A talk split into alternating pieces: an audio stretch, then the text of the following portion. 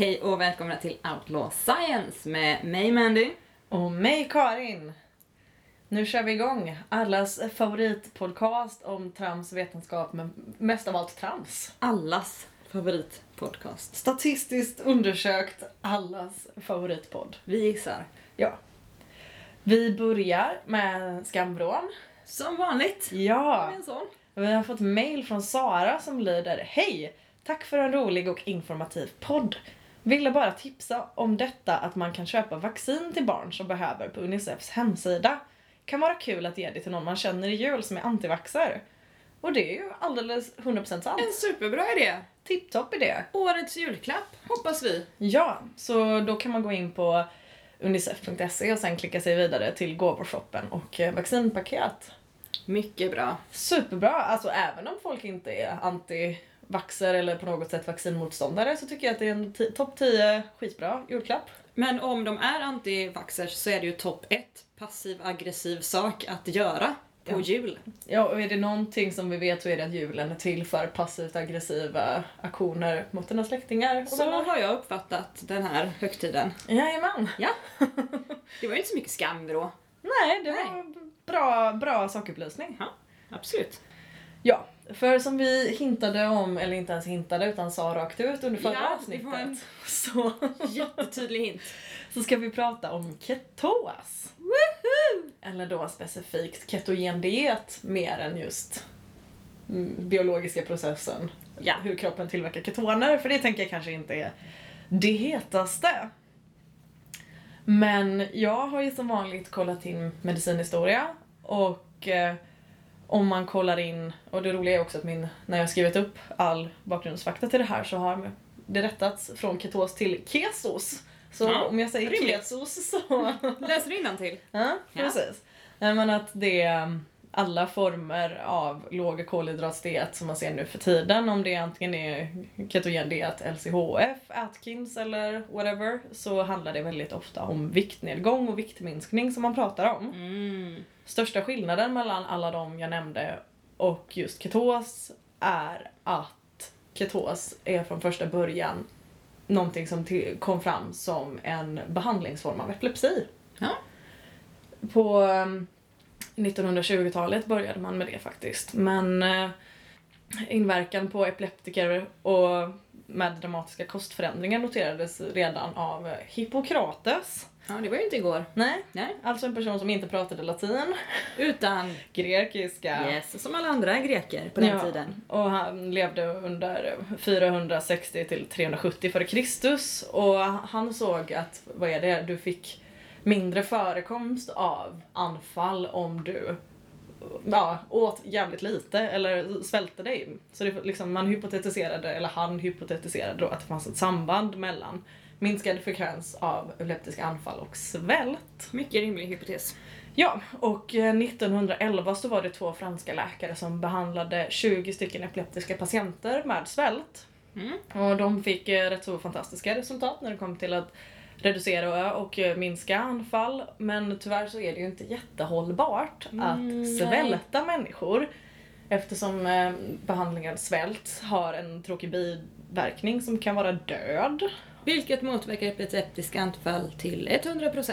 Tyvärr även allt det roliga som livet har att in, inbjuda. Ja, ja. Men ja, Det är inte en perfekt lösning. nej, men eh, flertalet läkare började i alla fall exper- experimentera med mängden svält och så vidare för att försöka fastställa orsaken och verkan mellan svält och anfall.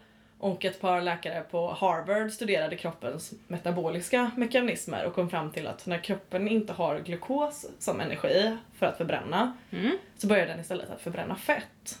Och en av restprodukterna som bildas när kroppen förbränner fett är ketoner. Ja. Och ketoner är då ett eh, samlingsnamn för en specifik kemisk struktur med två kolväten och ett dubbelbundet syre emellan. Mm. Det finns väldigt många olika sorters ketoner men den mest bekanta är troligtvis aceton. Ja, det har man hört om. Precis sånt som man kan ta bort nagellack med. Och Eller andas ut. Ja, för om eh, en, eh, vad ska vi säga, sidoeffekt till ketos är för vissa människor så innebär det att man luktar aceton. Ja, det kan också ses som en fördel för då kan man identifiera dem på håll och kanske undvika det. För det är ofta sådana som vill diskutera fikabrödet och så. Ja, det är he- hett tips. Känner du lukten av aceton så ta ditt fikabröd och dra. Japp, vänd om. Ja, men man hittade i alla fall då den här förekomsten av ketoner hos människor som genomgick svält och insåg att fan vad nice det vore om vi kunde få in kroppen så att den producerade ketos men att vi inte behövde släppa, släppa att vi inte behövde svälta. Ja. Och det sambandet man kom fram till då att okej, kroppen förbränner fett så blir det ketos, alltså om du bara äter fett så kommer den fortsätta vara i ketos. Och utefter det här så utarbetade man den ursprungliga ketogena dieten, alltså OGKD.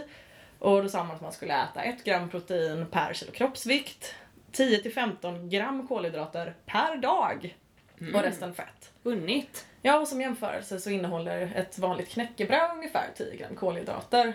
Så det var dagens. Ja, precis. Så det är ju inte liksom den, den Resten roliga. är smör. Resten är smör. Ja, och denna diet skapades främst för att behandla barn. Troligtvis för att det är mycket lättare att, kontrollera vad barn äter Ja, i och med att de inte är så köpstarka och går ut och handlar sin egen mat. nej det är korrekt. Och en ketogen diet var väldigt länge den främsta behandlingsformen man hade på epilepsi. För de eh, anti eh, vad är det, antianfallsmedicinerna man hade var ganska starka och inte så specifika så biverkningarna var inte så nice. Och då var helt enkelt ketogen diet det som var det bästa alternativet på den tiden. Ja, det minst dåliga. Ja, och dock så är ju det den vetenskapliga aspekten av det här lite där att vi är inte helt hundra på vad epilepsi är och varför vi får det och vi Nej. vet inte riktigt heller varför epilepsi eller just varför just ketogen diet kan funka. Men vi vet att det, det kan funka. Det kan det. Ja, däremot så är det så att nu för tiden så har det kommit ut väldigt många fler olika sorters läkemedel och därför är det väldigt många personer som har övergått till traditionell medicinering istället. Förmodligen för att det är lättare att ta några piller om dagen istället för att ha 100% benkoll på allt du äter Ja.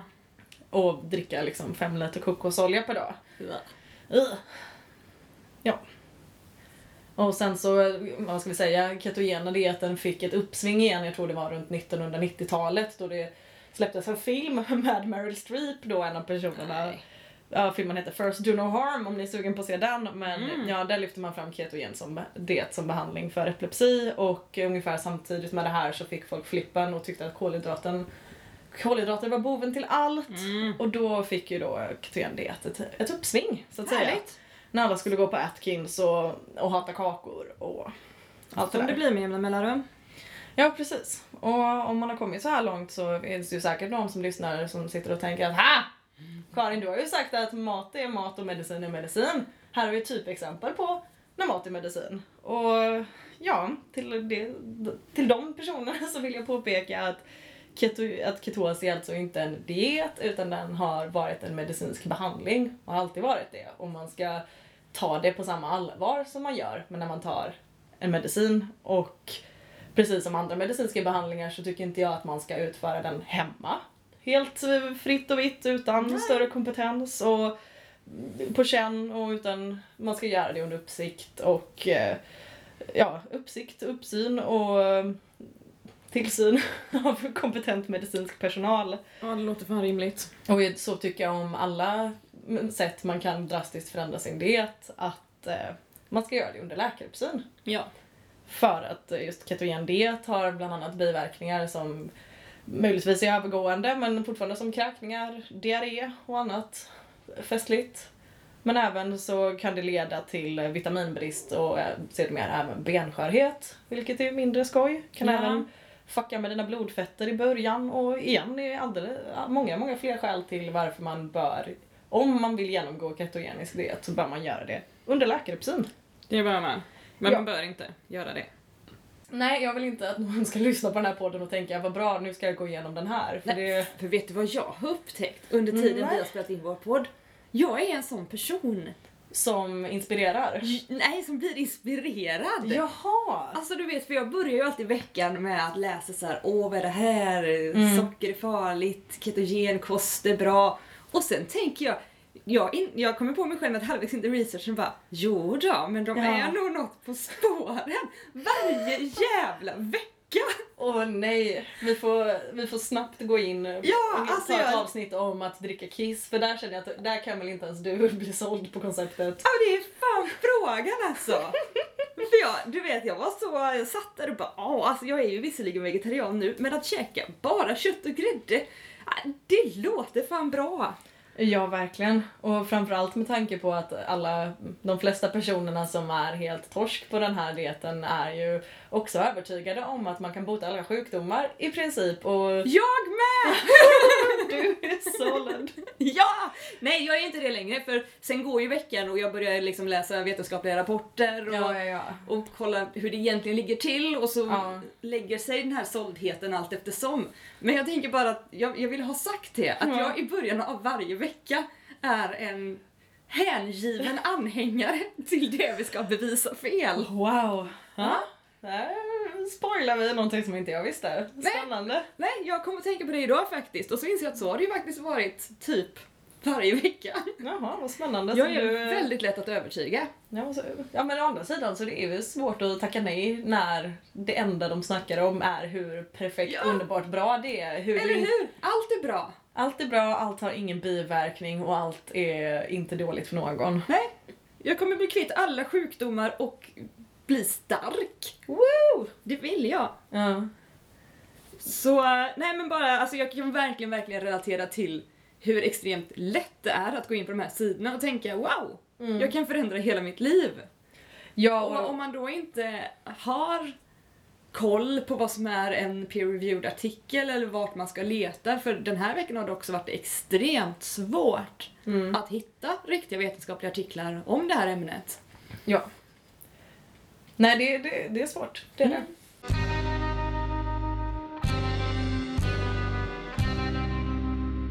Men för en sak som väldigt ofta kommer upp, upplever jag, när man pratar om låg kolhydratkost, det är ju diabetes. Ja. Och folk gillar att prata om hur man botar diabetes med låg kolhydratkost. Mm. Och för det första så tycker jag att vi väldigt gärna kan få bli specifika när vi pratar om diabetes.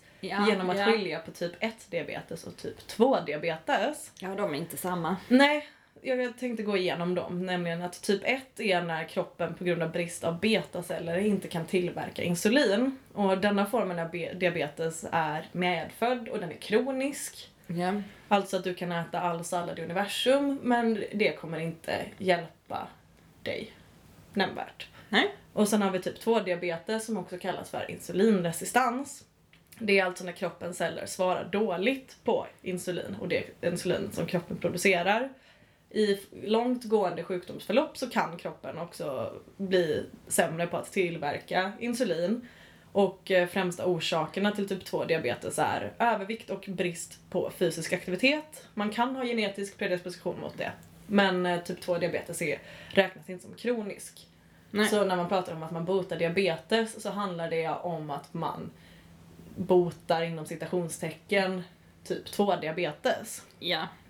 Jag tänkte även gå in lite snabbt om, om man inte vet vad insulin är så är det ett hormon som tillverkas i bukspottkörteln och de kontrollerar mängden blodsocker i blodet. Och insulin signalerar då till kroppen att eh, lagra in socker antingen som glykogen eller till fett. Mm. Så det är vad det gör. Det om det. För det, skälet till att jag nämner det här och att jag tycker det är viktigt är att om man som typ 1 diabetiker hamnar i ketos så går man in i diabetisk ketoacidosis vilket kan vara ett livshotande tillstånd som kan Ja. leda till döden. Och jag vet ju när det kommer till dieter så tänker vi det är så lätt att lägga om kosten och man tänker att jag kan bota en farlig, liksom, en farlig och jobbig sjukdom. Det är klart jag vill testa det men är man typ 1 diabetes? Absolut inte. Do not. Superdåligt. Ja. Ja, och sen är det i allmänhet ja, omdebatterat kring det här med låg kolhydratkost om det om verkan är på grund av att man äter mycket fett eller det Alltså att det, det är själva grejen eller just det att det är så svårt att få i sig en, en fullgod mängd kalorier så att du automatiskt går in i ett kaloriunderskott för att det är svårare att föräta sig på gräddsås och njure än vad det är på Oh. på att förstå. äta när du också får i kolhydrater.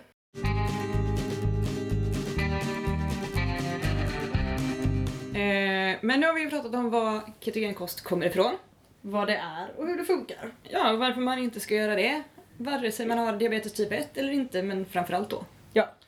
Eh, jag började den här veckan med att kolla på lite mer inspirerande sidor kan man kalla dem. Eller människor som tycker att referenser är onödvändigt. Eh, Ja.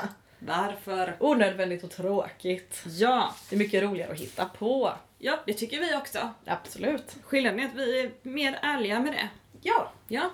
Nej men för jag, en sida, Diet Doctor, Ja. Pratar väldigt, väldigt positivt om ketogenkost. Ja, det låter som att personen är doktor. Hur kan den ha fel? Nej precis, på doktor i diet dessutom. Oh. Så det här är ju verkligen, En person vi bör lyssna på. ja, och som borde veta saker om såna här saker. Mhm. Nej men där kan man läsa bland annat hur bra det är med ketogenkost för att man blir starkare och uthålligare och sådär. Ja. Jag har också läst, eh, nu minns jag inte exakt vart det var jag läste, jag kan inte referera till det här. Men att man, om man äter ketogen kost tillräckligt länge och går över till ketos Ja. så behöver man inte längre fylla på med mat för att kroppen lär sig äta av sina egna fettreserver. Det låter inte superhållbart, det gör det inte. Jag vet inte hur mycket fettreserver man räknar med att man har från början. Men det måste i alla fall räknas som en ändlig mängd, tänker jag. Ja, det är så är det absolut. Ja. Och hela grejen med att, att långsamt äta upp sin egen kropp är inte Mm. heller vad jag skulle säga ett hållbart sätt att leva på. Nej, det är inte nice. Det är vad vi ju annars generellt brukar kalla för svält. Ja, ja, så kallar vi det. Ja. Nej, men jag har läst otroligt mycket grejer. Bland annat då att eh, man får en förbättrad mental skärpa. Att man blir ja det... smartare och snabbare och mår bättre. Ja. Att det var typ så här våra... Återigen den här, för det har alltid gjort så. Det är det här människor är gjorda för att äta. Mm. Jag har Ja. så svårt att se stenåldersmänniskorna gå runt och käka Gräddsås. gräddsås och bacon. Alltså jag, jag var inte med så jag kan ju inte säga att det inte var så. Men jag har svårt att se att de åt smör med sked liksom. Ja, alltså generellt i jagar och samlar samhällen så är det ju generellt lättare att få tag på det du samlar än det du jagar för att det du jagar har ju en tendens att springa ifrån dig. Ja, typ som, det. som söndagssteken och gräddsåsen.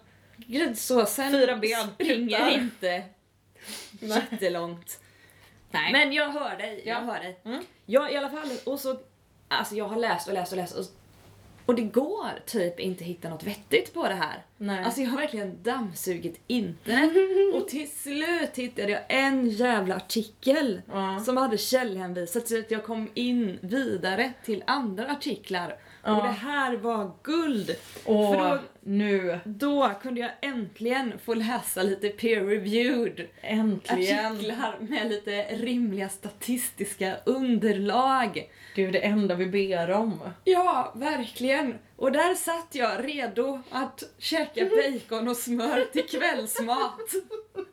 Och så sprang du rakt in i väggen. Rätt in i forskning sprang jag. Oh, alltid lika tråkigt när det händer. Nej men till exempel så har det utförts en studie på 459 kvinnor som visar att eh, fett, att äta hög, en kost med mycket fett påverkar sömnen negativt. Okej. Att det var ganska, visade ett ganska starkt samband mellan hur dåligt de sov och hur mycket fett de åt i sin kost. Mm. Det är, red, det är ju tvärt emot vad jag har läst på andra sidor. Ja, det, så är det ju. Ja, men det visar också en studie, och här kan jag väl lägga in en liten parentes då, att den här studien har inte jag kunnat läsa hela, jag fick bara tillgång till abstract. Ja. Så jag är inte exakt säker på vilket underlag den här har utförts på och så vidare. Nej. Men att eh, den här visar i alla fall att fet mat är Mm. kopplat till det beroendebeteende som man tidigare har kopplat till socker. Ja. Och det här var ju lite det vi pratade om förra veckan också, att ehm, socker i sig är inte beroendeframkallande utan det är först i kombination med fett Ja. som det blir det. Så att Hög kaloritäthet Ja. är det vi söker oss efter. Precis.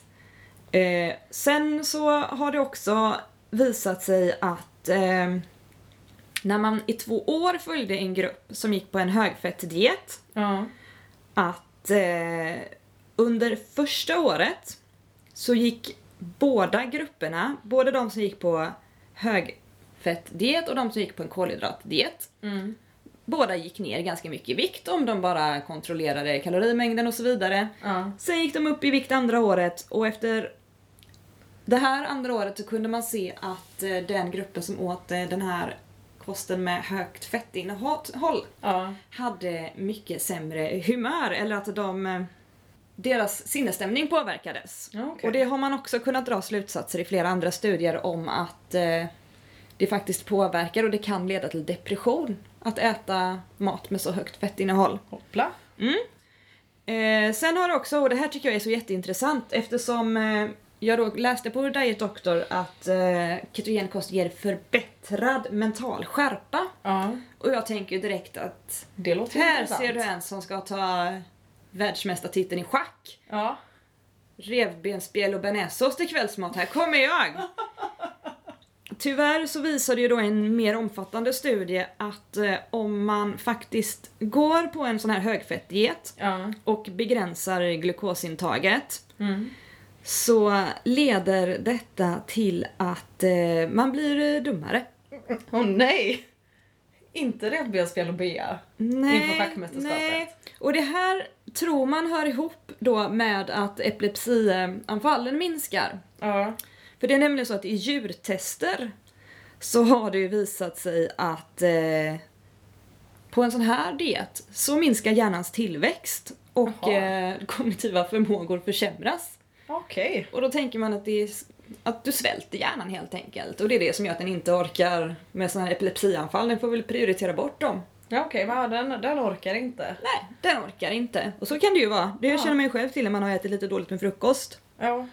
Det är inte tipptopp där uppe på hjärnkontoret. Nej. Och som sagt, det här var på djur då. Man testar ju inte liksom lika extremt på människor i regel. Man är lite försiktigare med sina tester och sådär. Ja.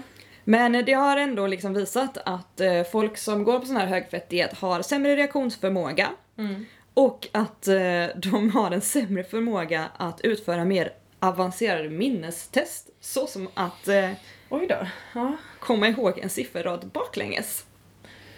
Det är ju inte jättegoda resultat. Det är inte jättegoda resultat. Nej. Nej, tråkigt. Ja. Och det har ju också visat sig i de här studierna de har jämfört viktnedgång och så vidare att det är marginella skillnader Ja. mellan de som äter lite eller mycket kolhydrater. Mm. Det det handlar om är helt enkelt att begränsa kalorimängden och att hålla sig till sin diet. Ja. Så jag kan tänka mig att i många fall, de som får så fantastiska resultat av den här ketogena kosten, att ja, om du bara käkar den mängden varje dag och faktiskt håller dig till det.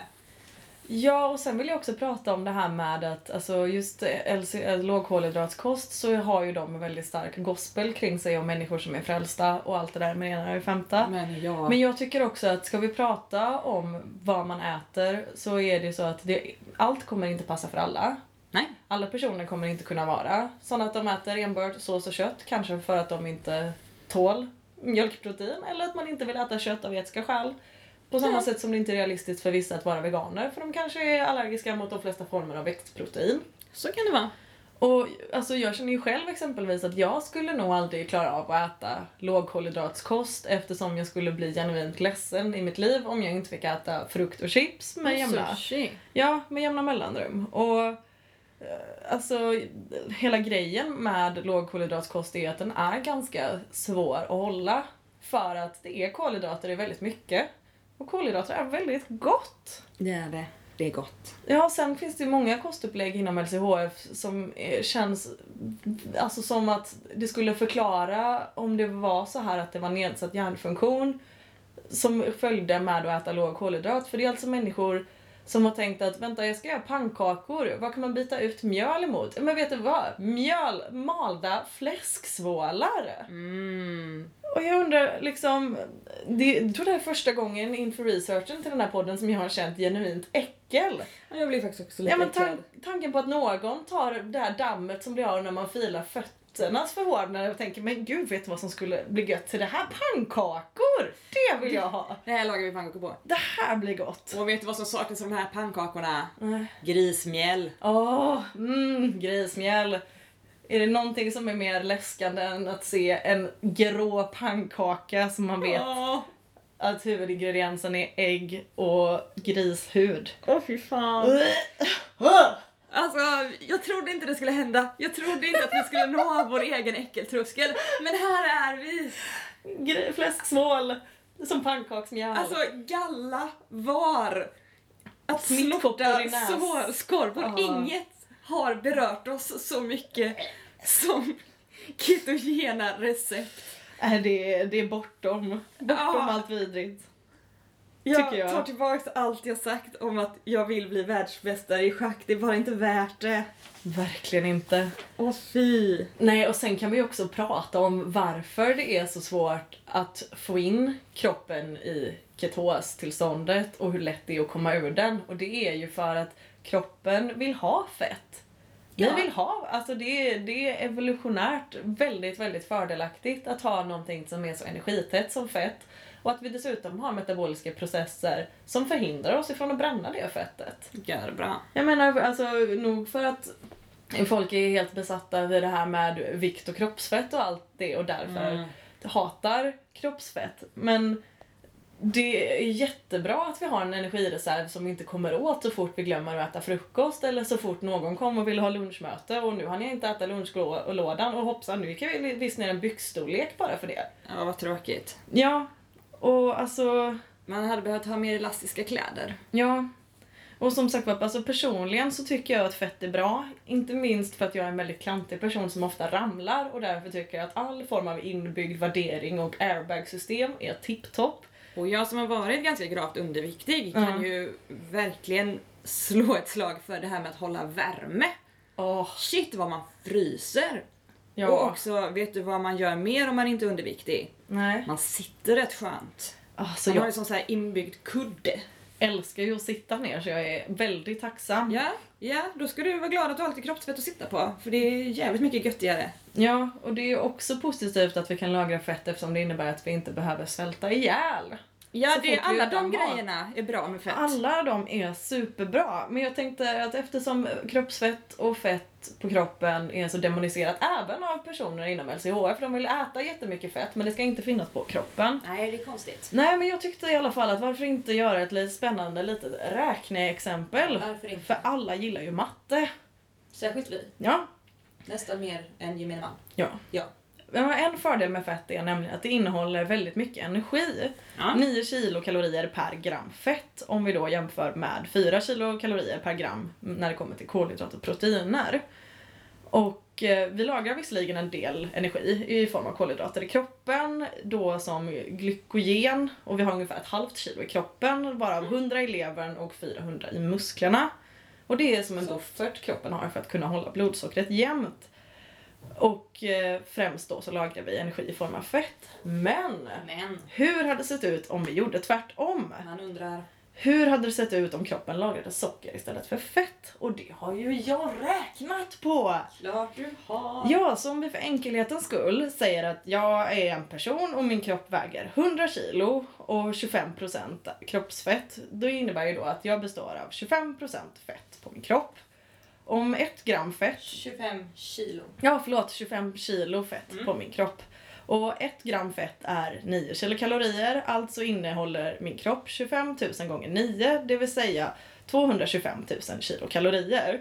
Skulle samma mängd energi behöva lagras, fast i form av kolhydrater, så skulle det motsvara 56 kilo socker. Vilket då är alltså bara det ungefär drygt dubbelt så mycket som fettet. Ja. Men vi får heller inte glömma bort att för varje gram kolhydrat som vi lagrar i kroppen i form av glykogen så lagras också mellan 3 till 4 gram vatten. Härligt. Och då har jag rundat upp till 4 gram. Så för 56 kilo kolhydrater innebär det att kroppen också skulle behöva lagra 225 liter vatten. Mm. Så istället för 25 gram, 25 kilo fett på kroppen så hade vi behövt lagra 56 kilo plus 225 kilo, alltså totalt 281 extra kilo på kroppen. Ja. Nu låter kroppsfett plötsligt jävligt lockande va? ja, det är nice. Det är ett bra sätt. Ja men inte för att det är något fel på att väga mer men det känns som att det hade varit ganska otympligt. att väga 281 kilo extra. Och dessutom skulle ju det innebära dels för att sockret är väldigt biotillgängligt för kroppen så hade vi börjat bränna det så fort vi hoppade över en frukost. Och det hade inneburit att du från morgon till kväll hade kunnat gå ner två kroppsstorlekar. Eller kroppsstorlekar, två klädstorlekar. Ja. Superopraktiskt. Så jag vill slå ett slag för kroppsfett. Inte bara för att det håller oss vid liv, håller oss varma, gör att vi sitter skönt, utan också är så otroligt mycket lättare. Och landar lite, lite mjukare Ja. när vi snubblar. Och bättre än att bära runt på, ja, vad blir det? Tio gånger mer vikt Ja. i runda slängar. Och fast då, då hade vi när vi ramlat betett oss lite som en vattensäng. Där har vi å andra sidan en stark fördel. Ja.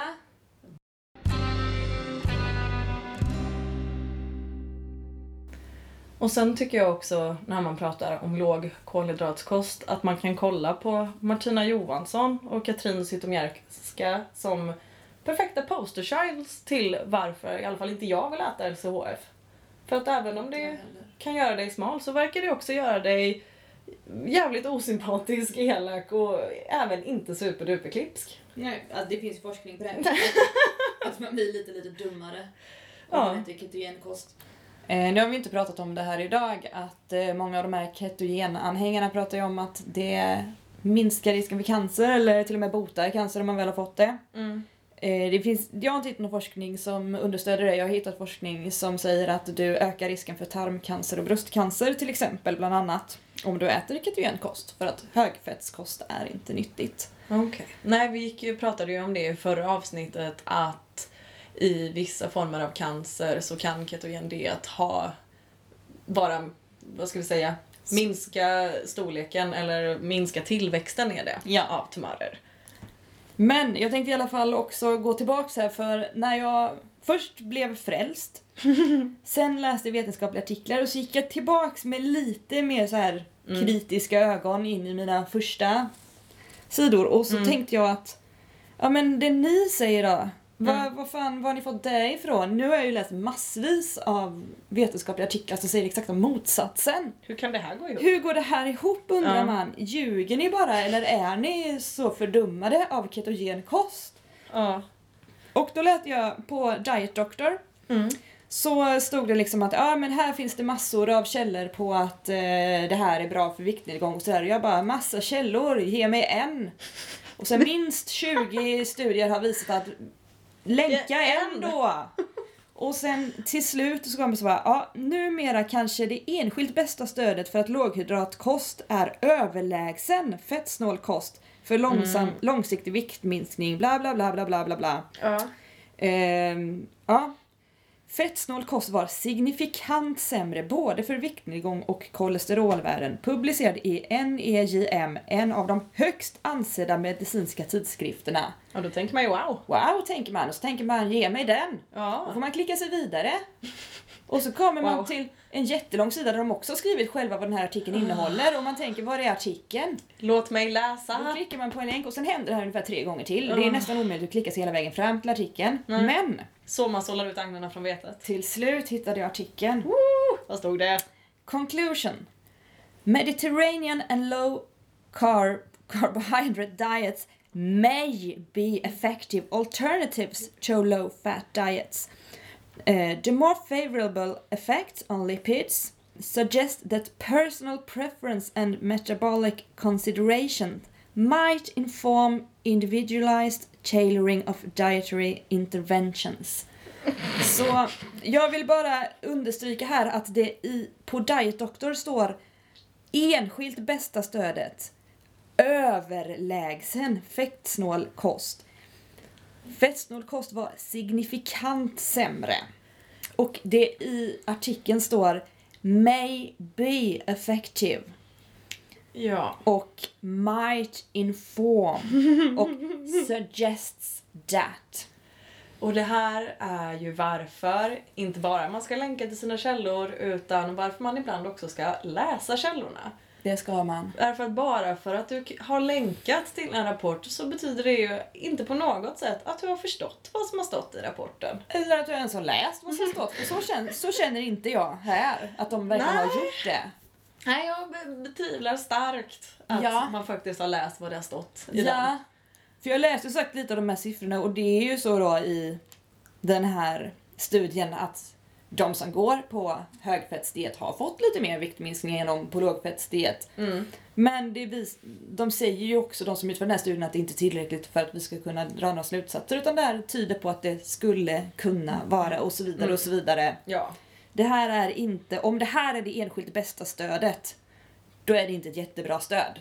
Nej, det Nej. är ingenting att eh, sälja alla sina ägodelar och satsa pengarna på. Gör inte det. Don't do it. Nej.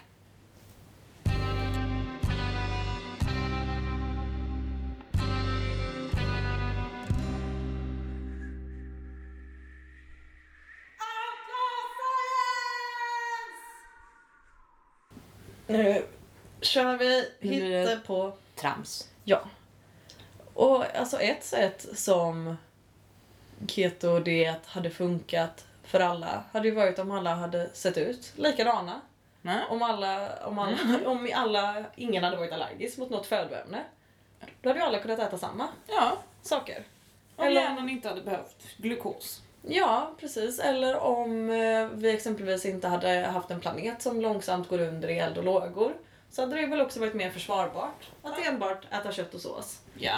Nu känns ju det lite mindre, Lite tjabbigt. li, lite, lite tjabbigt och sånt där. Och sen så tänker jag också att igen, att folk har ju olika preferenser när det kommer till vad man vill äta. Man har olika förutsättningar för vad man fysiskt kan äta. Man har Ja. olika ekonomisk förutsättning för vad man har råd att äta. Vissa vill laga sina pannkakor på vanligt mjöl och andra vill laga dem på grishud. Vissa vill ha skoskav i maten, andra vill ha renskav i maten. Olika. I olika kommuner. Ja, jag vill inte ha något av de två.